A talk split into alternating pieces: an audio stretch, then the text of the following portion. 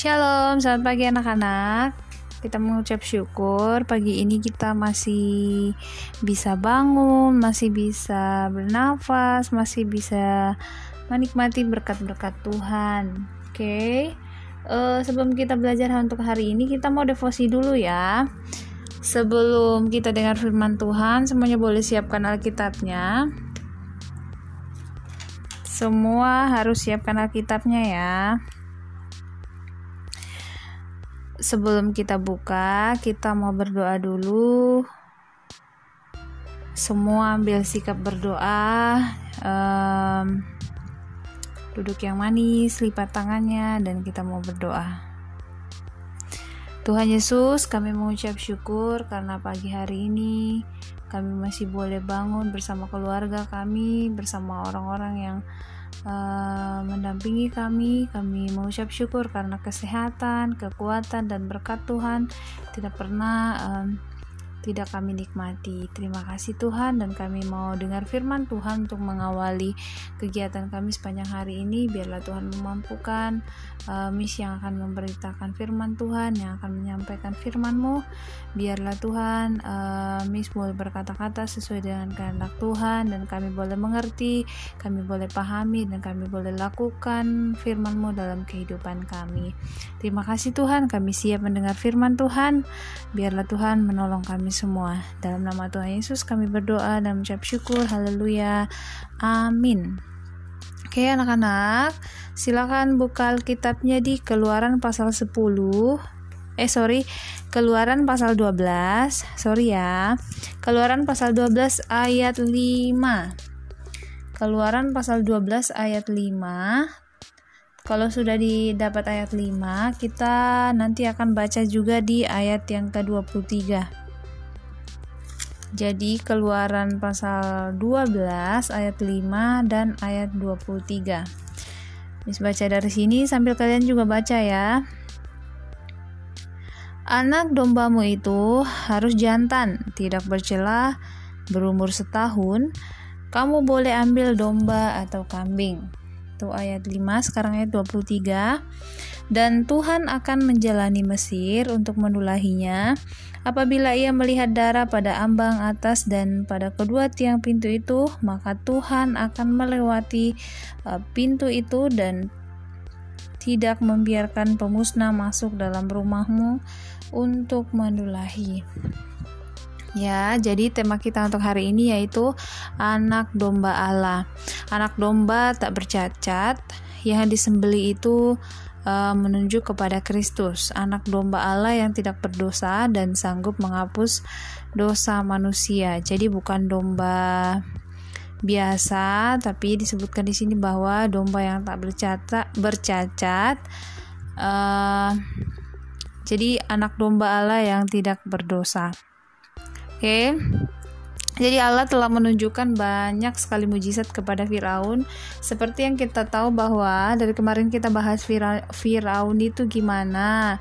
Firaun itu sudah diingatkan berkali-kali baik melalui Musa, uh, dan melalui mujizat-mujizat Tuhan tetapi dia masih berkeras hati dan dia tidak mau dengar-dengaran. Pokoknya dia masih harus uh, melakukan apa yang dia mau yaitu mem uh, terus memperbudak bangsa Israel. Jadi uh, mereka tuh sudah diingatkan bahkan Tuhan telah menunjukkan banyak sekali mujizat kepada Firaun dan orang Mesir, tetapi mereka masih terus memperbudak orang Israel. Oleh karena itu, Mesir berada dalam penghakiman Allah. Mereka akan mengalami kematian oleh karena kejahatan mereka. Memang selama hidupnya, Firaun dan orang Mesir tidak mempunyai rasa takut dan hormat kepada Allah. Setelah tula yang kesembilan selesai, begitu banyaknya tula ya, Allah memberi perintah kepada bangsa Israel melalui Musa nih. Allah memberitahukan apa yang harus mereka lakukan menjelang hari pembebasan mereka. Jadi di sini Tuhan sudah mulai e, memberitahukan atau menyusun rencana menjelang mereka akan dibebaskan. Jadi Tuhan menyusun rencana yang tidak biasa ya. Nanti kalian akan dengarkan. Jadi pertama-tama bangsa Israel harus menjadikan bulan itu sebagai bulan pertama dari penanggalan mereka. Karena saat itu merupakan awal kehidupan baru bagi mereka, yaitu saat di mana mereka dibangkitkan dari kematian. Dibangkitkan dari kematian, kok bisa sih dibilang seperti itu? Iya, karena uh, mereka ini kan lagi diperbudak Nah, Tuhan mau bebaskan mereka. Tahu apa itu diperbudak? Jadi dijadikan pekerja pekerja paksa, semua pekerjaan yang berat dikerjakan. Jadi keadaan mereka dalam perbudakan Mesir yang tanpa pengharapan itu adalah ya mereka berpikir bahwa mereka dalam kematian. Tetapi apa yang Tuhan lakukan? Tuhan tuh membangkitkan mereka dari kematian tersebut. Jadi Allah akan memberikan hidup yang baru kepada mereka, hidup dalam kebebasan di tanah yang telah dijanjikan Tuhan kepada Abraham, Ishak dan Yakub, nenek moyang Israel, umat Israel. Itu pertama ya. Kedua, pada hari yang ke-10 dari bulan itu, setiap keluarga Israel harus mengambil seekor anak domba yang terbaik. Ingat ya, yang terbaik dan yang tidak bercacat dari ternak ternak mereka. Pada hari yang ke-14, mereka harus menyembeli anak domba itu di waktu senja. Kemudian darah anak domba itu dibubuhkan pada ambang atas dan pada kedua tiang pintu rumah mereka. Sedangkan dagingnya dipanggang utuh, tulang-tulangnya tidak boleh ada yang dipatahkan, jadi semuanya harus utuh. Setelah itu, orang Israel harus memakan daging itu dengan, nah ini nih, dengan roti yang tidak beragi. Tidak beragi itu uh, nanti kalian akan mendengarkan kenapa harus dengan apa sih arti dari roti tidak beragi dan sayur pahit. Jadi daging yang sudah diolah tadi mereka harus makan dengan roti yang tidak beragi dan sayur pahit. Mereka harus memakan daging, roti dan sayur itu dengan ter, uh, terburu-buru sambil memegang tongkat. Memakai jubah yang sudah uh, berikat pinggang dan kasut pada kaki mereka. Perintah ini tampaknya sangat aneh, bukan? Apa maksud dari semua perintah ini? Ya, kadang-kadang Allah memberi kita perintah yang tidak biasa atau tidak lazim, tetapi ini tidak berarti Allah memberi perintah secara sembarangan. Jadi, semua ada tujuan.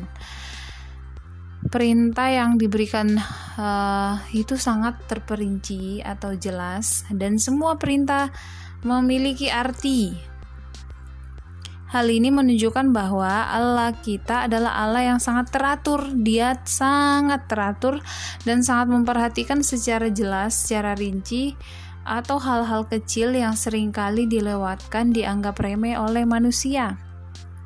Nah, roti yang tidak beragi melambangkan ini ya diperhatikan baik-baik didengar baik-baik. Jadi roti yang tidak beragi itu melambangkan kehidupan yang murni, kehidupan baru yang murni dan bebas dari dosa. Karena ragi di situ mengandung unsur atau e, bermaksud bahwa itu pembusukan yang melambangkan dosa. Kemudian sayur pahit mengingatkan bangsa Israel akan penderitaan berat yang mereka alami karena uh, perbudakan Mesir. Terus kenapa ya orang-orang harus makan orang Israel harus makan dengan cepat sambil memakai pakaian untuk bepergian karena pada malam itu Allah akan membawa mereka keluar dari negeri Mesir. Wah, jadi begitu hebatnya Tuhan menyusun rencana ya. Darah anak domba yang dibubuhkan tadi sudah dibahas sedikit.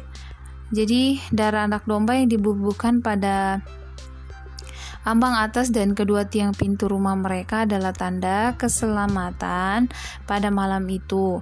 Allah akan berjalan di tanah Mesir dan malaikat maut akan membunuh semua anak sulung orang Mesir dan anak sulung ternak mereka.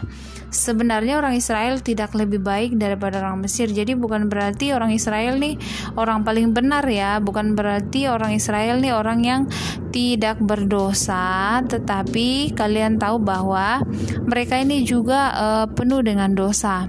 Namun ketika Allah melihat uh, anak darah darah anak domba pada pintu rumah mereka, dia akan menyuruh malaikat maut melewati rumah itu dan tidak terjadi kematian di rumah itu. Jadi Tuhan tuh kasih kasih tanda uh, dari darah anak domba tadi itu ditaruh di di pintu rumah mereka. Kalau ada tanda itu berarti malaikat maut itu harus melewati.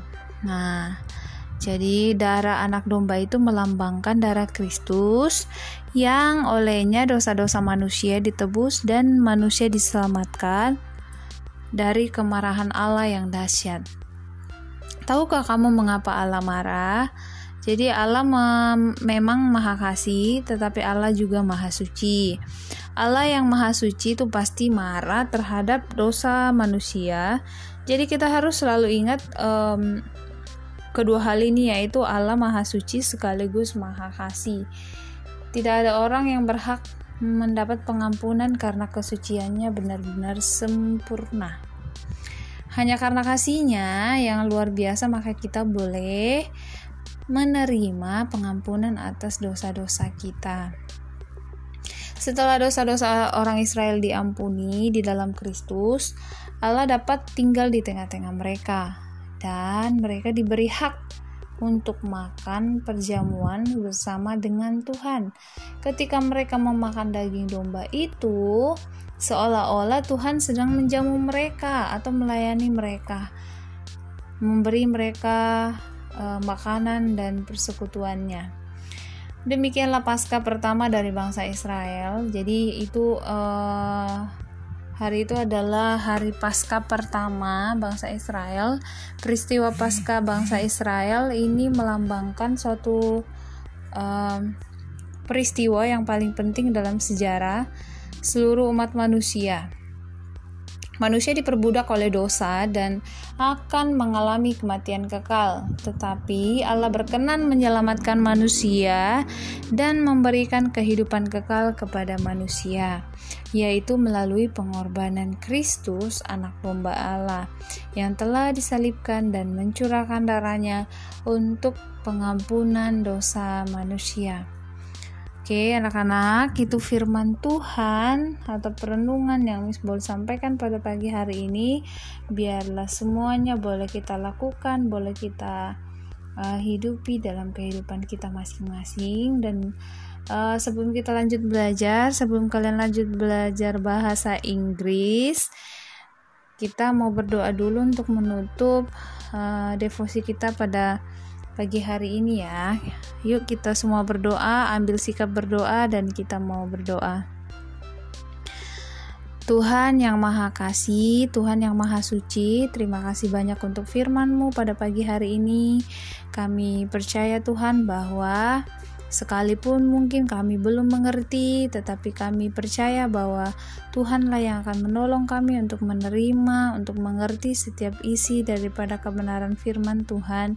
Terima kasih Tuhan dan kami mau lanjut belajar. Tuhan Yesus sertai kami, Tuhan tolong kami supaya pelajaran yang akan kami terima boleh kami pahami, boleh kami mengerti dan kami semangat dan lebih semangat lagi untuk belajar uh, sampai selesai. Terima kasih Tuhan, kami serahkan uh, guru-guru kami, Miss dan Mister yang hari ini mengajar. Tuhan berkati, Tuhan menolong, berikan kekuatan, kemampuan dan hikmat daripada Tuhan.